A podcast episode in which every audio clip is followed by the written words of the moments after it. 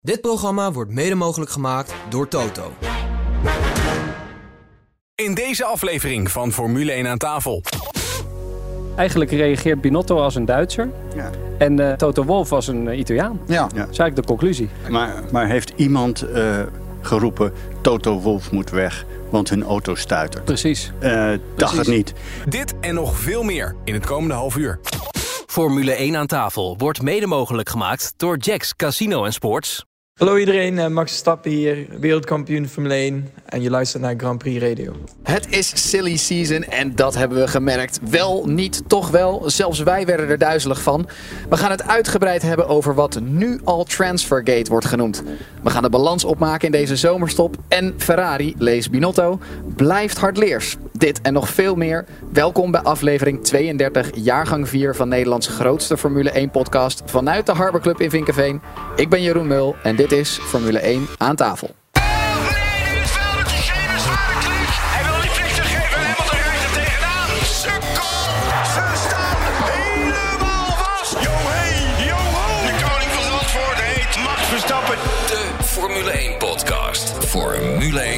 Aan tafel. Ja, de gasten van deze week. Allereerst voormalig Formule 1 team-eigenaar en ondernemer bekend van onder andere de automerken Saab en Spijker, Victor Muller. Victor, van harte welkom. Dankjewel. Korte vraag voor jou. Ehm, van welk team in de Formule 1 zou je op dit moment geen teambaas willen zijn? Ferrari. Of misschien juist wel eigenlijk van Ferrari, want daar ligt nog ruimte voor verbetering. Je wil natuurlijk de job van Horner niet hebben, want die is zo ongelooflijk goed bezig. Eh, nee, ik denk eigenlijk juist Ferrari. Juist Ferrari. Dan daarnaast aan het roer bij Donkervoort Automobielen en coureur bij dit mooie supercarmerk, Denis Donkervoort. Ook van harte welkom, Denis. Dankjewel. Eh, waarom zien we eigenlijk geen Donkervoort in de Formule 1? Goeie vraag. Ik, misschien, misschien moet ik met Victor even eh, kletsen hoe die dat heeft gedaan. Het is een peulenschil, geloof ik. ja, ik geloof je direct. Het is zo gedaan. Ja, nou ja. Dus Nou, bij, deze, deze, ja. jongens, scoopje. Eh, en natuurlijk vaste waarde bij Formule 1 aan tafel en eh, Formule 1 analist eh, Frans Verschuur. Fijn dat je er weer bent. Ja, welkom. Waarom eh, gaat Nick de Vries eigenlijk niet bij Williams rijden? Omdat hij niet goed genoeg is en het geld er niet is. Vroeg jou net eh, even, Victor, welk team zou je, waar zou je geen ehm, teambaas voor willen zijn? Maar voor welk team zou je dat dan wel willen zijn? Wel voor Ferrari dus. Ja, ja ik denk wel voor Ferrari. Dat is, eh, ik heb eh, het voorrecht gehad om met Ferrari te mogen werken in 2006, 2007, omdat ze onze motoren leverden. En ja, daar zit een historie bij dat merk. Dat is niet te geloven. Het, het mooiste Formule Formule 1 merk. En het is jammer om te zien dat ze door allerlei strategische bloppers de echte aansluiting nu wel gemist hebben met eh, Red Bull. Dat is doodzonde. Maakt het seizoen ook ietsje minder interessant. Maar eh, ik denk dat ze nog wel terugkomen. De Ja. vraag is of Binotto blijft terugkomen. Ja, die moet toch weg eigenlijk, of niet? Dan zijn we er toch, eh, een teambaas is toch verantwoordelijk, die stelt toch de strategisten aan en die mensen allemaal. Dus hij, hij is toch eigenlijk verantwoordelijk daarvoor. Nou, hij is zonder meer verantwoordelijk. Ehm, Maar waarom blijft hij dan zitten? Omdat hij vriendjes in de top heeft? Hetzelfde als Abite Boel bij Renault toen? Ik heb werkelijk geen idee of hij vrienden in de top heeft. Maar feit is dat hij er nog zit. Maar ik denk dat hij nog twee of drie van die eh uitglijers maakt. Nog meer? Ja. Nou, ja. Ik heb hem nog niet zien vertrekken, hè? Nou, ik zou hem wel weglopen bij de pitmuur. Misschien was dat een... eh, Ja, dat was wel een soort van Een hint. soort van, ja, een hint van, eh, jongens, eh, geef mij een zak met geld en ik ben weg. Ik, eh, ik denk dat hij er ziek van was, wat daar gebeurde. En Ja. terecht. En terecht, maar hij is wel verantwoordelijk. Onmiskenbaar verantwoordelijk voor eh, de status van het team op dit moment. En wie zou je dan er willen hebben zitten? Wie zou je daar willen hebben zitten? Dat vind ik een moeilijke vraag. Ik zou voor Frans Euren er neerzetten. Ja, En waarom? Die man die race zijn hele leven al, wil alleen maar winnen. En die zit bij Alfa natuurlijk een beetje opgesloten. Ja. Alfa wordt dadelijk eh, overgenomen door Audi. Nou, dan komen de Duitsers aan de macht. Ja, Ja, dat weet je. Komt er een Duitser, zonder Ja. twijfel. Dus Ja, dan, eh, ik denk dat dat een goede keuze zou zijn. hij begrijpt, eh, hij begrijpt eh, hoe een Ja. Italiaans team werkt. zullen we dat doen dan? Nou, ik denk dat die beslissing dan bij deze is genomen. Maar ik wil wel graag Denis' mening ook nog even. Ja. Mening. Die is namelijk een, een F1-eigenaar in Spee. Ah, kijk, kijk. Dit is waar. Voilà. Kijk, de- nou, ik zou, ehm, ik zou vooral eventjes niets doen. En ehm, kijk, ik weet Frans, jij bent wat eh, kritisch direct. Alleen juist in paniek denk ik dat je beter heel eventjes eh, rust in de tent kan eh, brengen. En zorgen dat je weer even terug, eh, terugpakt met daar waar ze begonnen zijn. Want het begin van het seizoen gingen ze natuurlijk best wel heel goed. Maar vorig jaar werden er ook al blunders gemaakt. Is het zo? is tactisch gezien. Ja. Ja. En op een gegeven moment houdt het op. Er is toch eigenlijk geen ruimte daarvoor. Ja, maar laten we eerlijk zijn. Mercedes die heeft ook heel veel tactische blunders gemaakt. Althans niet zoveel als, als, als Ferrari. Alleen ook niet super, super sterk. Lang niet zo sterk als Red Bull. Nee, maar Mercedes maakt een, een, een, een, een ontwerpfout. Ja. En ze zijn wel eh, nog steeds elke keer finishen. Ze staan in het constructeurkampioenschap Ja. goed. Ja. En, en dat soort dingen. Dus Mercedes is wel een, een team waarvan ik zeg, oh wacht even, als die kwaad worden, dan, dan vallen er echt Maar, klappen. maar heeft iemand eh, geroepen, Toto Wolf moet weg, want hun auto stuitert? Precies. Eh dacht Precies. het niet. En eh, ik denk ook, ik ben het helemaal met die niet eens. Ik denk dat je gewoon, als je geknipt wordt, moet je stil blijven zitten. En Ja. eh, ik zou denken dat als je nu Binotto wijzigt, ver- verandert als, als teammanager en een ander er neerzet. Ik denk niet dat Nee, dat de en En situatie hebben ze ten ook niet goede te komt. vaak al gewisseld. Althans, ik bedoel, Ja. Binotto zit er nu alweer eventjes. Maar goed, weet je wel, als je ziet hoe lang Christian Horner al bij Red Bull zit. Of Toto Wolff bij Ja, Mercedes. maar die leveren wel, hè? Sorry? Die leveren. Ja, eens. Nou ja, goed. Laten we eerlijk zijn. Red Bull is eindelijk weer terug Ja. bij daar waar ze waren met Vettel. Maar het heeft ook eventjes geduurd. Ja, daar ben ik niet Frans, eens. ik wil je toch heel even onderbreken. Want eh, we, Oh, ik wijden een beetje, we wijden een beetje uit van het onderwerp waar het over begon. Ik Waar had, hadden we eh, het over ook alweer? Ja, precies. Nee, ik had Victor even gevraagd voor welk team die wel inderdaad eventueel eh, de leiding zou over willen nemen. Maar ik ben nog heel even benieuwd. Is er nog een team in de Formule 1 op dit moment wat jij eh, zou... ehm, of een beetje herkent als het team van Spijker wat jij destijds Nou, nee, gerund hebt? je, kunt hooguit zeggen, het team van Haas is een team waarvan ik denk, wauw, wauw. Dat had ik zelf heel graag willen meemaken. Wat zij meemaken. Ze hebben eindeloos aan de staart gekwispeld. Ze bakten er niet heel erg veel van. Ze deden af en toe deze interessante dingen. En dit jaar op een of andere manier, they nailed it. En dat vind ik zo knap. Dat Ja. vind ik zo verschrikkelijk knap. Ze gebruiken ook Ferrari motoren. Ze zijn eh, op een of andere manier hebben ze ergens iets gedaan waardoor ze plotseling competitief zijn. Nou, dat vind ik, daar ben ik zo van onder indruk. Vind ik echt geweldig. Ja, mooi. Mooi om te zien. Hey, eh, Denis, jij zegt, eh, je, je ziet het wel zitten samen met Victor dan een Formule 1 team. samen zo, ja. Maar jullie idee. zijn met Donkervoort nu sowieso een grote stap aan het nemen. Eh, voor het eerst gaan jullie een auto homologeren voor de Amerikaanse markt, heb ik begrepen. Ja, nou ja, kijk, eh, homologeren, eh, laat ik het voorzichtig zo eh, uitleggen dat het, we hebben het grijze gebied opgezocht.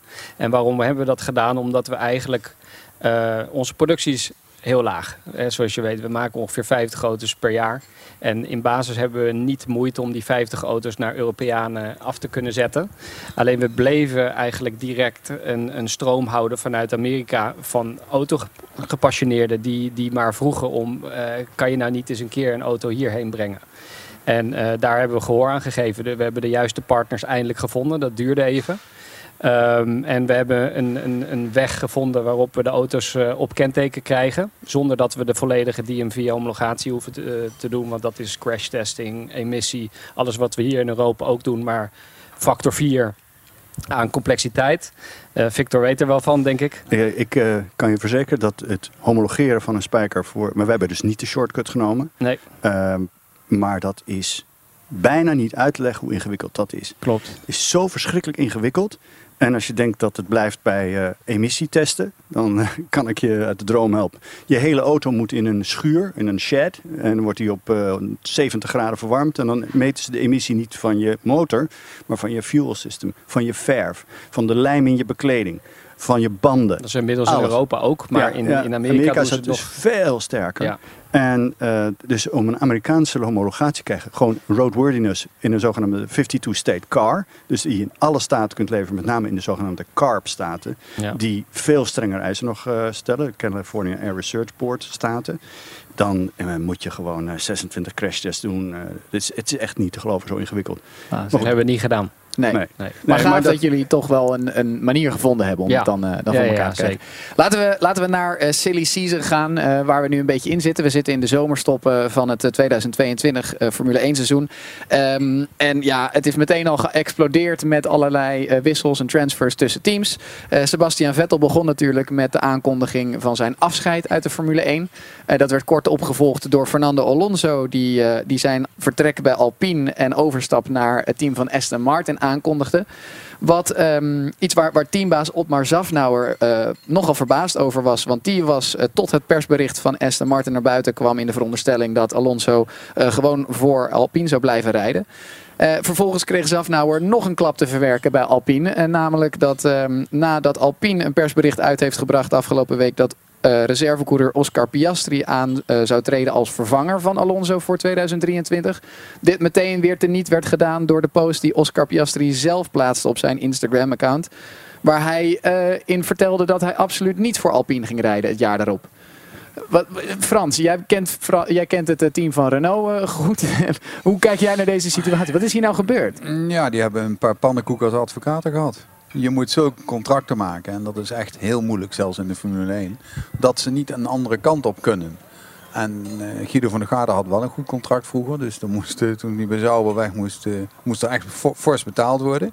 En nu wil Piastri niet bij Alpine, want die krijgt een ander aanbod. Ik, ik weet niet welk aanbod. En dus heeft hij daar dus toch iets gevonden in zijn contract.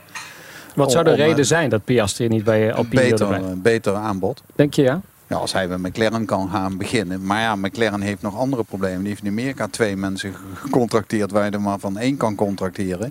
Eh, onze vriend Ricciardo die heeft ook nog een contract. Daarom. Maar die kunnen ze schuiven naar Amerika misschien. Dus ik denk dat die advocaten daar allemaal een beetje lopen te blunderen. Victor, het is toch zo dat advocaten belangrijk zijn, of niet? Advocaten zijn heel belangrijk, maar ik eh, denk dat hier eerder sprake is van een, een absolute PR-blooper. Want je kunt contracten maken wat je wil. En in de Formule 1 zijn de contracten, eh, zeg ik uit eigen ervaring, eh, ook omdat ik vroeger advocaat was, die zijn dik en, eh, en ongelooflijk uitgenast. Er zit eigenlijk niets meer in wat niet een keer getest is of beproefd. Dus die contracten zullen wel deugen. Ik denk dat in de paniek van het moment Renault een, een enorme misstap heeft begaan door een publicatie eh, te, te doen ten aanzien van Piastri, die gewoon nog niet onderbouwd was met een getekend contract of een confirmatie. Ik heb, ehm, wat ik heb begrepen is dat eh, Alpine een optie had op Piastri voor 2023 die afliep op 1 augustus. En die hebben ze laten verlopen. Maar toen dachten ze alsnog, nou, wij gaan, eh, wij gaan daar wel voor. Want eh, Alonso vertrok ineens. Ehm, wat een verrassing voor ze was. Toen hebben ze dat persbericht uitgebracht van... oké, dan gaan we nu die optie van, eh, van Piastri pakken. Maar dat was al te laat. Ja. En Piastri heeft in de eh, zou in de tussentijd ehm, inderdaad al met McLaren in gesprek zijn. Als in ieder geval reservecoureur voor 2023 met een garantie op een deal voor 2024. Bingo. Waarbij er nog een mogelijkheid is dat McLaren bezig is om het, de, het contract van eh, Ricciardo voor 2023 af te kopen. Dat zou ik nooit doen als Piastri was. Om eh, weer in de wachtkamer gaan zitten en dan een 24 te gaan rijden. Dan had ik zeg maar tegen Alpine gezegd, ik wil een één jaar contract tekenen. Ja, maar dat gaat, gaat Alpine toch niet doen? Dat weet je niet. Wat moeten ze anders? Ja, wie gaat er bij Alpine rijden Ja. nu? Ja, wie? Jeroen. Ik denk, nu kijk Eh, helemaal- ja, ja, ja. Ja, jij, nee, jij maar zei Ja, dat wie gaat er nu bij. Alpine rijden? Ja, Eh, eh, Poucher, ja. Poucher, dus zou kunnen die... Niet ik Gasly?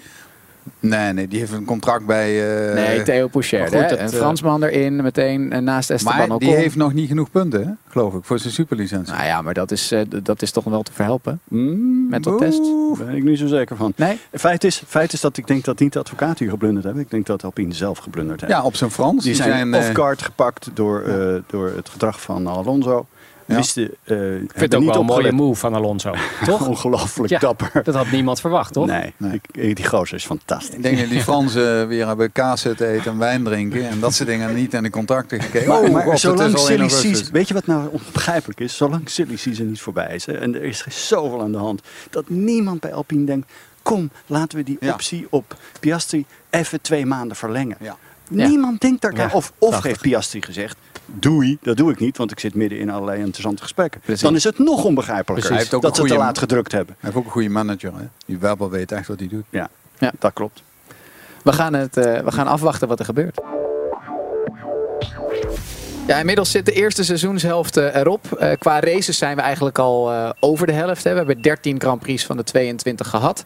Eh, en laten we eventjes naar de cijfers kijken. Er zijn 9 zegens op team, naam van het team van Red Bull. Waarvan 8 voor Max en eentje voor Sergio Perez. Vier zegens zijn behaald door het team van Ferrari. Waarvan drie voor Charles Leclerc en eentje voor Carlos Sainz. Achtmaal pole position voor Ferrari, viermaal pole voor Red Bull en één keer pole position voor een Mercedes. We hebben waanzinnige duels gezien, mooie uitslagen, gekke races. En ehm, op dit moment staat Max eh 80 punten voor, terwijl hij dus eh, eh, verdiende zomervakantie heeft. Gaat, gaat Max nog ingehaald worden? Nee. Nee. Nee. Nee. Duidelijk. Hoe kijken jullie naar die verhouding hè? van negen zegens voor Red Bull, maar dan wel acht pole positions voor Ferrari?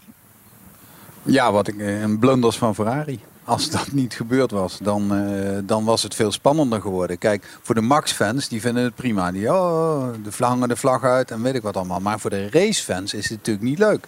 Want, want ja, we, eigenlijk zien we al eh, een Max die wereldkampioen is. Waarvan ik zeg, ja, jammer. Maar voor de Max-fans is het top. Maar voor de race-fans vind ik het persoonlijk wat minder. Het is beduidend minder spannend als vorig jaar. Ja. Ja, eh, eens, ik ben het helemaal eens. Ik, ik vind het doodzonde dat Ferrari die bloepers maakt. Want het zou een nog groter spektakel zijn.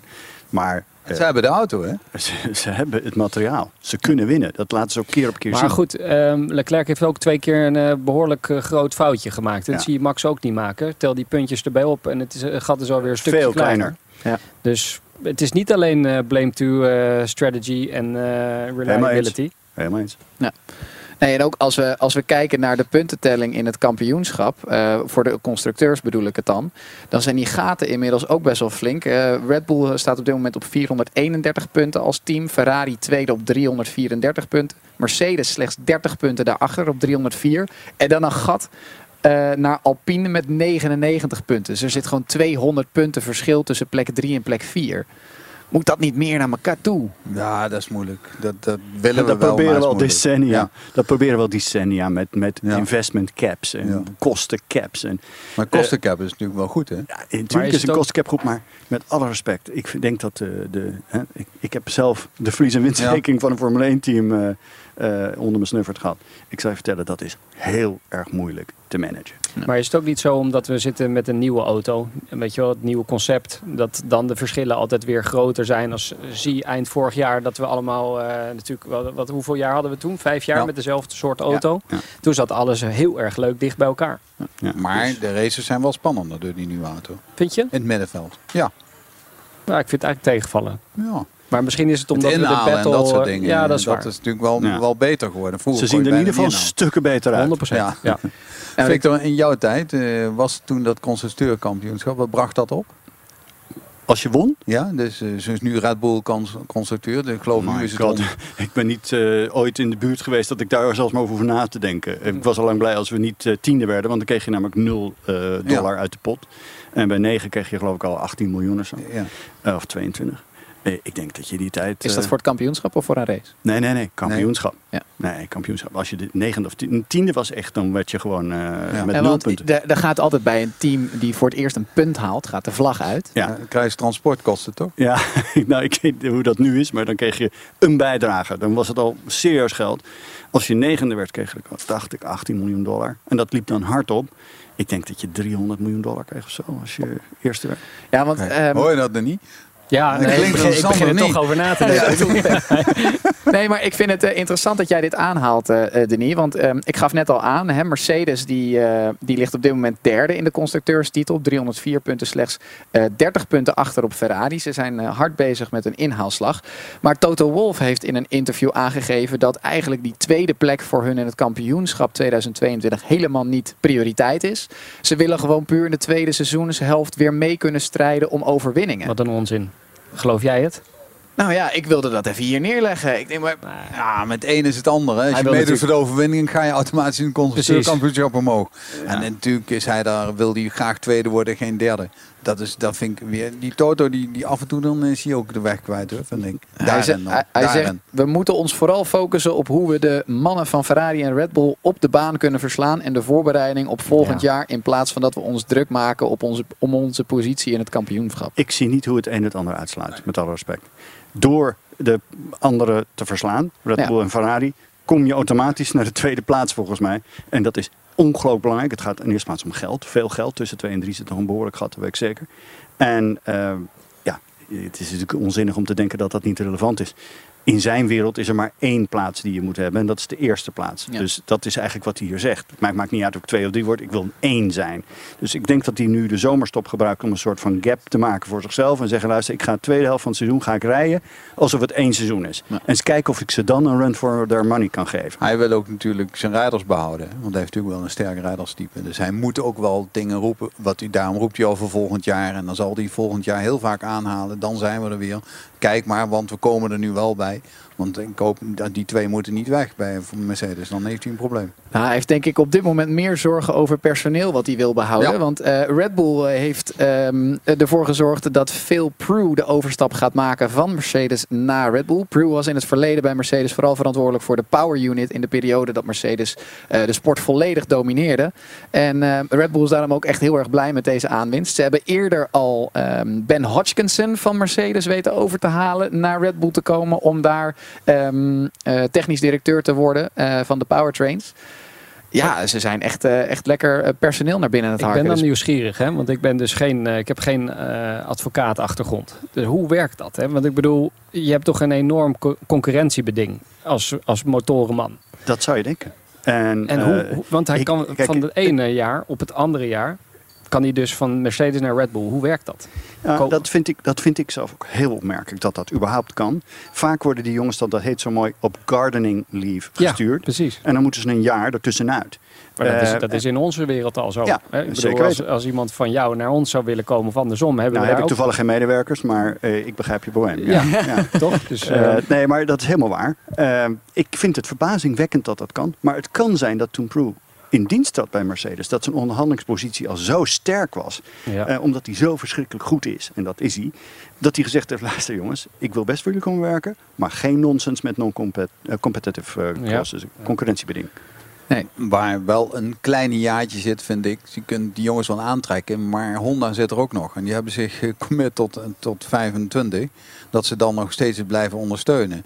En ik denk de cultuur tussen eh, Japanners en deze mensen van Mercedes, dat is toch een iets andere cultuur. Dus daar kan het wel eens een keer gaan botsen.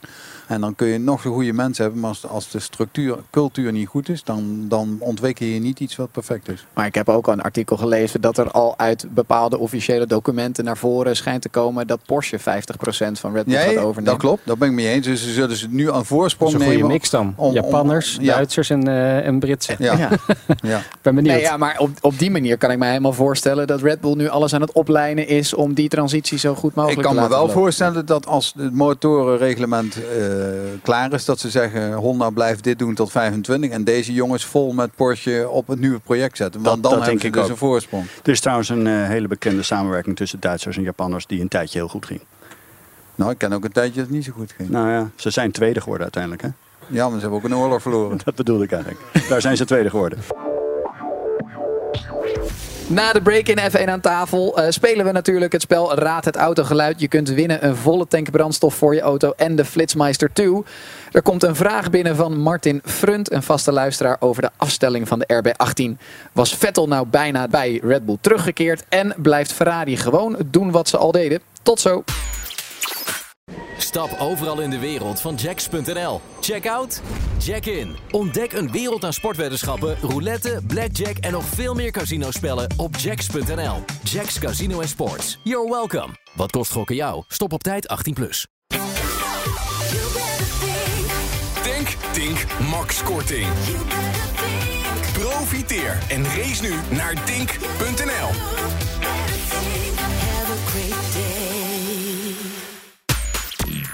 Formule 1 aan tafel wordt mede mogelijk gemaakt door Jacks Casino en Sports. Welkom bij de grootste Formule 1 podcast van Nederland, Formule 1 aan tafel. Er is weer een vraag binnengekomen via f1 aan tafel van een luisteraar. En deze week is die van Martin Frunt. En Martin vraagt... Ik hoor steeds vaker dat de karakteristieken van de RB18 Max veel beter liggen dan Checo. Max wil een oversturende auto en Perez een ondersturende auto. Is dat niet gewoon een kwestie van balans en afstelling? Eh, balans meer naar achteren door vleugelinstellingen of ehm, zo doen ze dat toch ook bij Ferrari? Je wijst onmiddellijk naar mij, Frans. Nee, dat is eh, heel interessant, eh, deze vraag. Ehm, ik kan het antwoord niet geven. Ik weet het niet. Eh, ik denk namelijk dat je kunt een hoop doen met vleugels.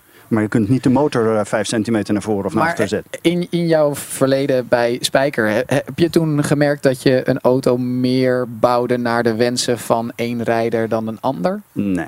nee, dat denk ik niet. De auto werd geëngineerd en die werd op de baan gezet. En dan was het alleen maar marginaal met vleugels en afstelling en rijhoogte. eh, die, en, en rake, nee, niet te vergeten, de, Ja. de hoek waaronder de auto op de weg stond. eh, werd die auto afgesteld. Maar wat, wat deze vraag behelst, is kun je een auto onderstuurd of overstuurd maken door hem aan te passen aan de rijder. Ja, natuurlijk kun je hem enigszins aanpassen, maar eh, onderstuur wordt natuurlijk voornamelijk gecreëerd door eh, veel gewicht naar voren, veel drang naar voren, en eh, overstuur door veel gewicht naar achteren.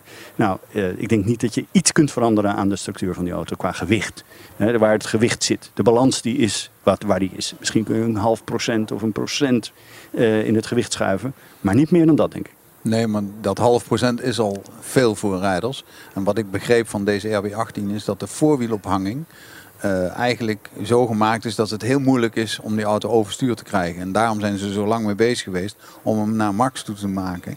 En dan logisch dat ze de auto meer naar max toe maken door updates erop te zetten dan, dan naar Checo. En dat ze dan zeggen, ja Checo, jij houdt de oude dingen maar, de oude op afstelling. Maar als die auto's steeds harder gaan, dan zeggen ze eerder tegen Checo, jij zorgt maar dat je kan rijden met Ja. deze afstelling. Want het blijkt dat die auto harder gaat. En daar heeft hij gewoon op grote squeeze, ik heb niet over stratensqueeze, daar heeft hij veel moeite mee. En Max heeft natuurlijk altijd een, een overstuurde auto willen hebben. En dat lukt nu heel langzaam. Ja, ja dus Max heeft een voorkeur van overstuur. Perez een overst- eh, voorkeur voor onderstuur. Maar Max gaat harder met een oversturende auto dan Perez met een ondersturende Ja, auto. Zou, Ja. zou het ook niet te maken hebben met, kijk, dat de auto dat karakter heeft, dat is, dat is een gegeven. Maar vervolgens moet een coureur kunnen aangeven waar die aan wil schroeven. Hè, vleugels of wielophanging of, of demping.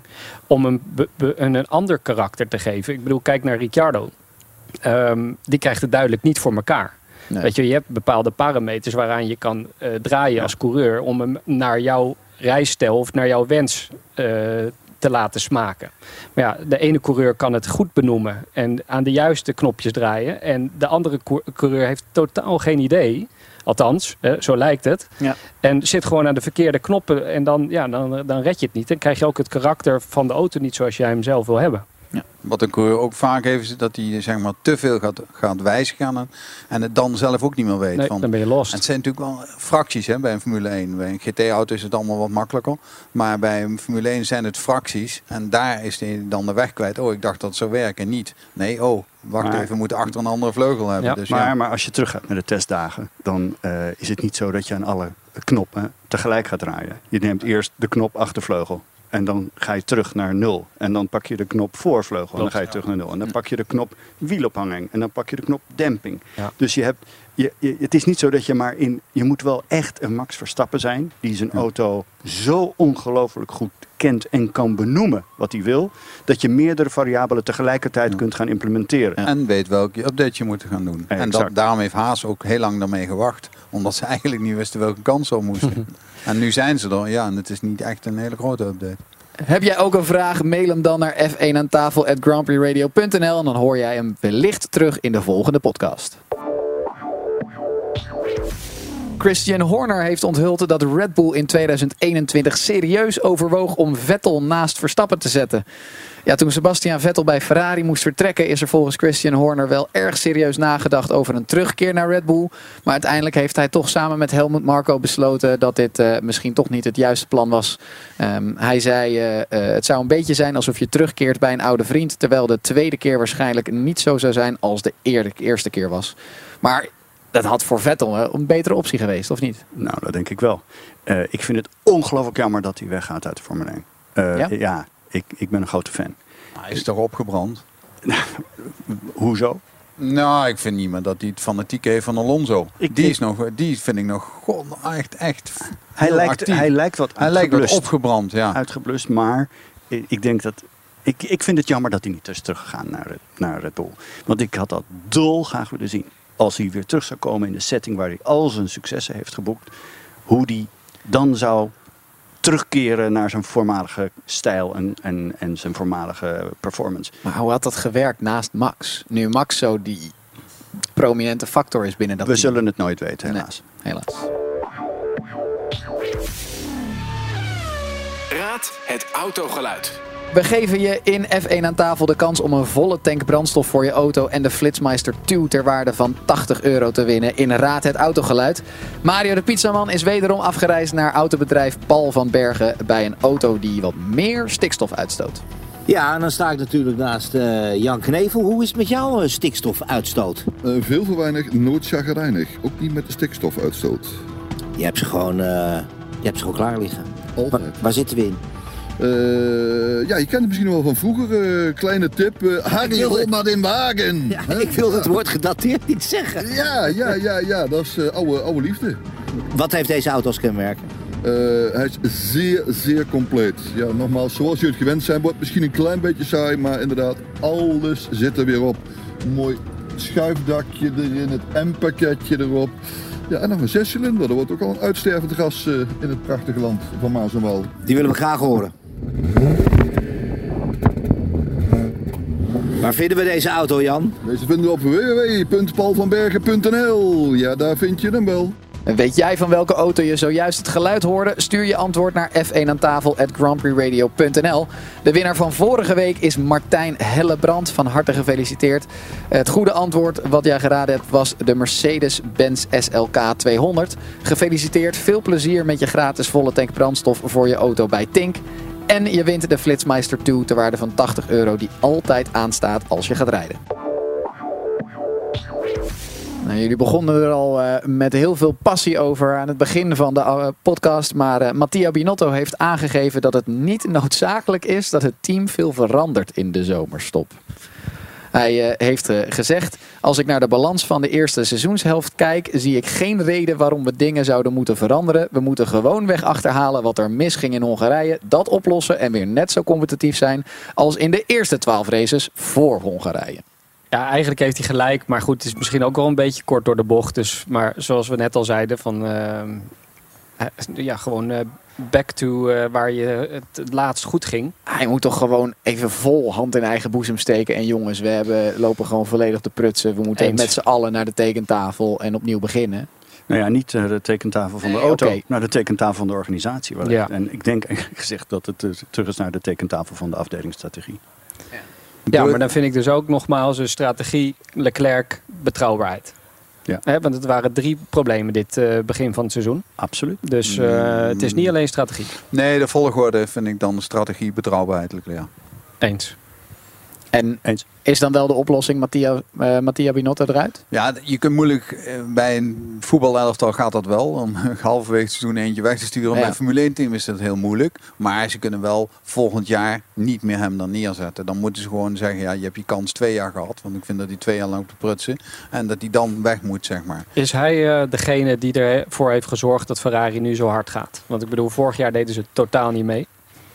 Ja, hij is natuurlijk wel geweest die al vorig jaar geroepen heeft. Laten we met de nieuwe auto vast beginnen. Wat, hoe heet zijn voorgang ook alweer? Ik ben er even kwijt. Arriva Bene. Ja, Arriva precies. bene. En ehm, die heeft, die heeft ook, hoe, hoe lang heeft hij gezeten? Vijf, zes jaar. Die kreeg het niet voor elkaar om Ferrari weer terug op het podium, laat staan, terug op eh, wedstrijd winnen te krijgen. Nou, heeft Binotto wel voor elkaar. Ja? Ja. Dus ze deden eigenlijk gewoon mee in het kampioenschap dit jaar. Dus eh, hij doet ook dingen goed. Absoluut. En ik, bedoel, ik moet enorm denken aan Dick Advocaat, die eh, toen hij nog eh, trainer was van het nationale team, zei: Kijk, luister jongens, we hebben 16 miljoen bondscoaches in Nederland. Het is natuurlijk zo dat iedereen Precies. klaar staat. Precies. En die man is zo exposed, die Binotto. Ja. ik bedoel, dit, dit kan bijna niet erger. Nee. En ik vind het goed dat hij zijn hoofd koel houdt. En dat hij zich niet gek laat maken. En dat hij zegt, jongens, luister, de, Ja, volgende, want- de volgende wedstrijd. ehm, hij heeft gelijk. Zijn auto's gaan bloed en bloed snel. Frans is het niet met ons eens. Frans. Nee, hij roept al de hele tijd. Volgende wedstrijd, volgende wedstrijd, volgende wedstrijd.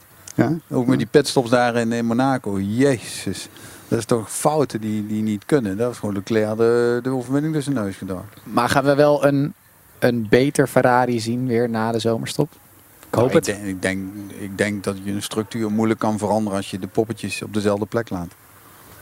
Ja, maar het, ik, Kijk eens ik naar... kan me gewoon... Jij haalt Dick Advocaat aan. Die was trainer bij Feyenoord. Ja? En Feyenoord draaide een beetje mee. Er komt een andere trainer, Boepa. En die heeft een hele andere filosofie. En in één keer zitten ze bovenin. En ik denk dat bij Binotto zijn filosofie niet, niet, eh, niet goed genoeg is voor Van Nou ja, Aert. ik vind het zo jammer dat hij, dat hij het zo, zo... Het is goed dat hij zijn hoofd koel houdt. Maar je mag op een gegeven moment ook wel zeggen... jongens, er moet gewoon echt even iets veranderen. Er gaat, er gaat nu te veel structureel fout. Ik denk En- dat, hij, dat hij zijn hoofd koel houdt omdat hij goede airco heeft of zo. Ja, nee, maar het, hoofd koel houden voor de bühne is één ding. Maar ik denk dat je veel beter gewoon eerlijk kan zijn en zeggen... ja, jongens, we lopen gewoon echt zwaar te klooien. Zou hij dat niet doen? Nou, dat doet hij Dat- dus niet, want dat zegt hij Nee, niet. maar dat hij dat zegt. Voor de en bo- wat hij dat doet, voor de bühne. Dat is voor de bühne. Ik bedoel, met alle respect, maar ik geloof niet dat wat hij daar zegt, dat Ik dat in de dat het praktijk... oorlog is, hoor, in Nee, Italië. Nee, oorlog ik, ik zou nog wel eens een filmpje willen zien van Toto Wolff na de tweede race. Hoe die tekeer is gegaan dat die Mercedes het niet doen. Ja. Dan denk ik zo, die heeft daar eventjes op zijn Oostenrijkse tekeer gegaan. Ja. En dan Binotto als het niet lukt. Dat die twee verschillen zou ik graag op beeld willen hebben. Zou Ik ik een ook. geweldige serie Ik ook. Ja, daar moeten we net Maar uiteindelijk liet, liet, liet Toto zich een beetje emotioneel gaan. Hè, de laatste wedstrijd in Abu Dhabi. Hè, en ehm, nu Nee, houdt hij oké. zich- en die. Binotto, Nee, dat is die is ook weer- eigenlijk, eigenlijk reageert Binotto als een Duitser. Ja. En, eh, en eh, Toto Wolff als een eh, Italiaan. Ja. Ja. Dat is eigenlijk de conclusie. We gaan het zien na de zomerstop. eh, eh, gaan we meteen beginnen met een prachtige tripleheader. Spa, Zandvoort en Monza. Mo- Zandvoort is nu ook officieel bevestigd. eh, nadat er toch nog weer heel even sprake was van de rechtszaak. Maar eh, Oh, de 23e rechtszaak geloof ik. Daar word ik helemaal Ja. flauw van. Ja, de ene is die... Zo'n respect voor Bernhard, hij maar gewoon Ja, course. ja iedereen hoor. Ja. En, en dat die lui het niet leren, krijgen die subsidie of zo om, om die rechtszaken te beginnen. Het is toch niet normaal? Ja, het is niet normaal. Nee, even voor de mensen die het, eh, die het wellicht gemist hebben. eh, de Stichting Duinbehoud, Stichting Rust bij de Kust en Natuur- en Milieufederatie Noord-Holland hadden eh, beroep aangetekend op eh, de natuurvergunning voor het circuit.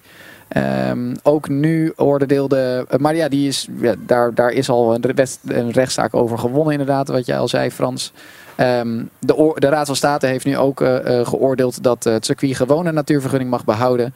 En dat de schorsing dus, dus niet, niet gaat gebeuren voor het circuit. En de Grand Prix daadwerkelijk doorgaat. Ja, nou, we zijn allemaal blij. Kunnen ze die, eh, die mensen niet op een eiland neerzetten? Victor, weet je nog een eiland ergens? Ehm, nou, ik moet je zeggen, vroeger gebruikten ze er Elba voor. Ja, kunnen we niet dat... eh, Nou, misschien moet je even met eh, de Italiaanse regering gaan onderhandelen. Ja, ja. Via Binotto. Dan kopen we dat eiland en dan stoppen we die lui op. Ja, nee, maar luister, je moet die mensen, met alle respect, maar je moet die mensen ook respecteren. Ja. Die, die hebben hun eigen doelstellingen. Die worden gewoon bij de rechter worden die, eh, gewogen. En in een rechtsstaat zoals de Nederlandse komt daar een uitspraak. En die is in dit geval voordelig voor ons als autoliefhebbers en niet zo voordelig voor hun. Ik geloof dat dat een, een faire en redelijke procesgang is. En we zijn blij dat, eh, dat het circuit wint en zij niet. Maar hun doelstellingen zijn daarmee niet minder eh, legitiem. Heren, ik wil jullie van harte bedanken voor jullie aanwezigheid eh, deze week bij F1 aan tafel. En als bedankje geven we jullie een eh, prachtige fles eh, officiële Formule 1 Ferrari Trento Doc mee naar huis. Ehm, volgende week maandag is er natuurlijk weer een nieuwe aflevering met dan onder andere te gast Olaf Mol en natuurlijk Frans Verschuur. Dit was Formule 1 aan tafel. Redactie was in handen van Sjaak Beumer en Koen Bakker. Vormgeving en montage Marnix Westhuis. En het draaiboek Mario de Pizzaman. Ik ben Jeroen Mul en tot volgende week. De Formule 1 podcast. Formule 1 aan tafel. Kijk aan, kijk aan. De Harbor Club in Vinkenveen zou de Harbor Club in Vinkenveen niet zijn als ze ons niet waanzinnig zouden trakteren op een, eh, een tafel vol met heerlijkheden. Wat hebben we vandaag? We hebben hier eh, de Beef Torch Maki Roll. Daarnaast hebben wij een ceviche van Yellowtail tonijn. Met daarbij wat ehm lesje de tigre, een rode ui. Daarvoor u hebben wij de pannenkoeken gevuld met peking eend, hoisinsaus en wat bosui met komkommer. En als laatste onze kipgyoza's geglaceerd met wasabi citrusdressing en wat sesam. Holy shit. Dankjewel. Wat een feest. Ik denk dat ik vaker kom. Ja, Dit ziet er geweldig uit. ja het, is, eh, het is altijd genieten hier bij, eh, bij de Harbor Club en bij eh, F1 aan tafel. Victor, wat heb je nog wat mooie toekomstplannen? Want je, je bent altijd zo, eh, zo, zo vol ideeën. Als ik geen toekomstplannen meer heb, ben ik dood.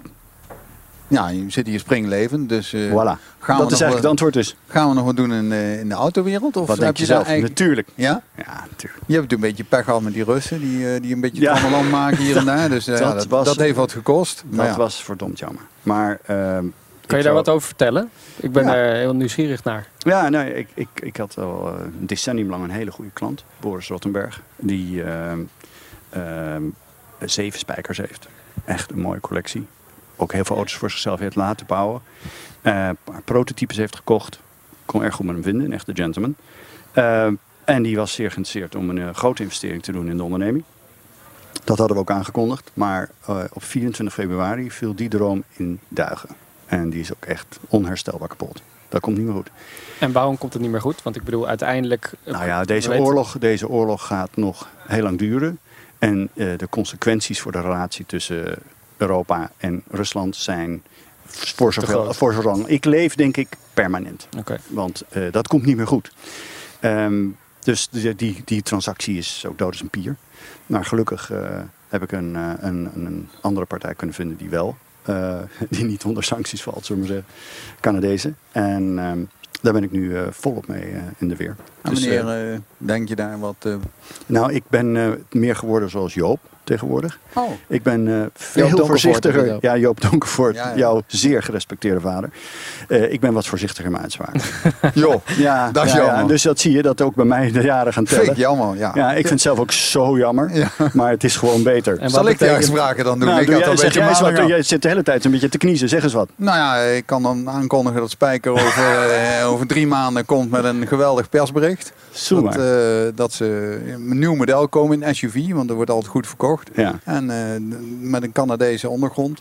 Dus eh, ik denk dat we daar... eh, zal het er niet Lance Stroll zijn alweer? of wel? Nee, nee, nee, nee, nee, zeker niet Lance Stroll. Die Nee, Die heeft zijn handen vol aan Aston Ja, Martin. die heeft daar ook een gat waar hij elke keer een vrachtwagens geld in Kijk, ik, pompt. had, ik had kleine gaatjes, babygaatjes, Ja. maar hij heeft Hij- gewoon hij, met een shovel moet het er naar binnen. Ja, dat is gaaf. Jongen, Met een bulldozer heeft hij Maar gekocht wat mij dan weer interesseert, hè, is dat... Kijk, ik bedoel, ik zit ook een beetje in jouw wereldje.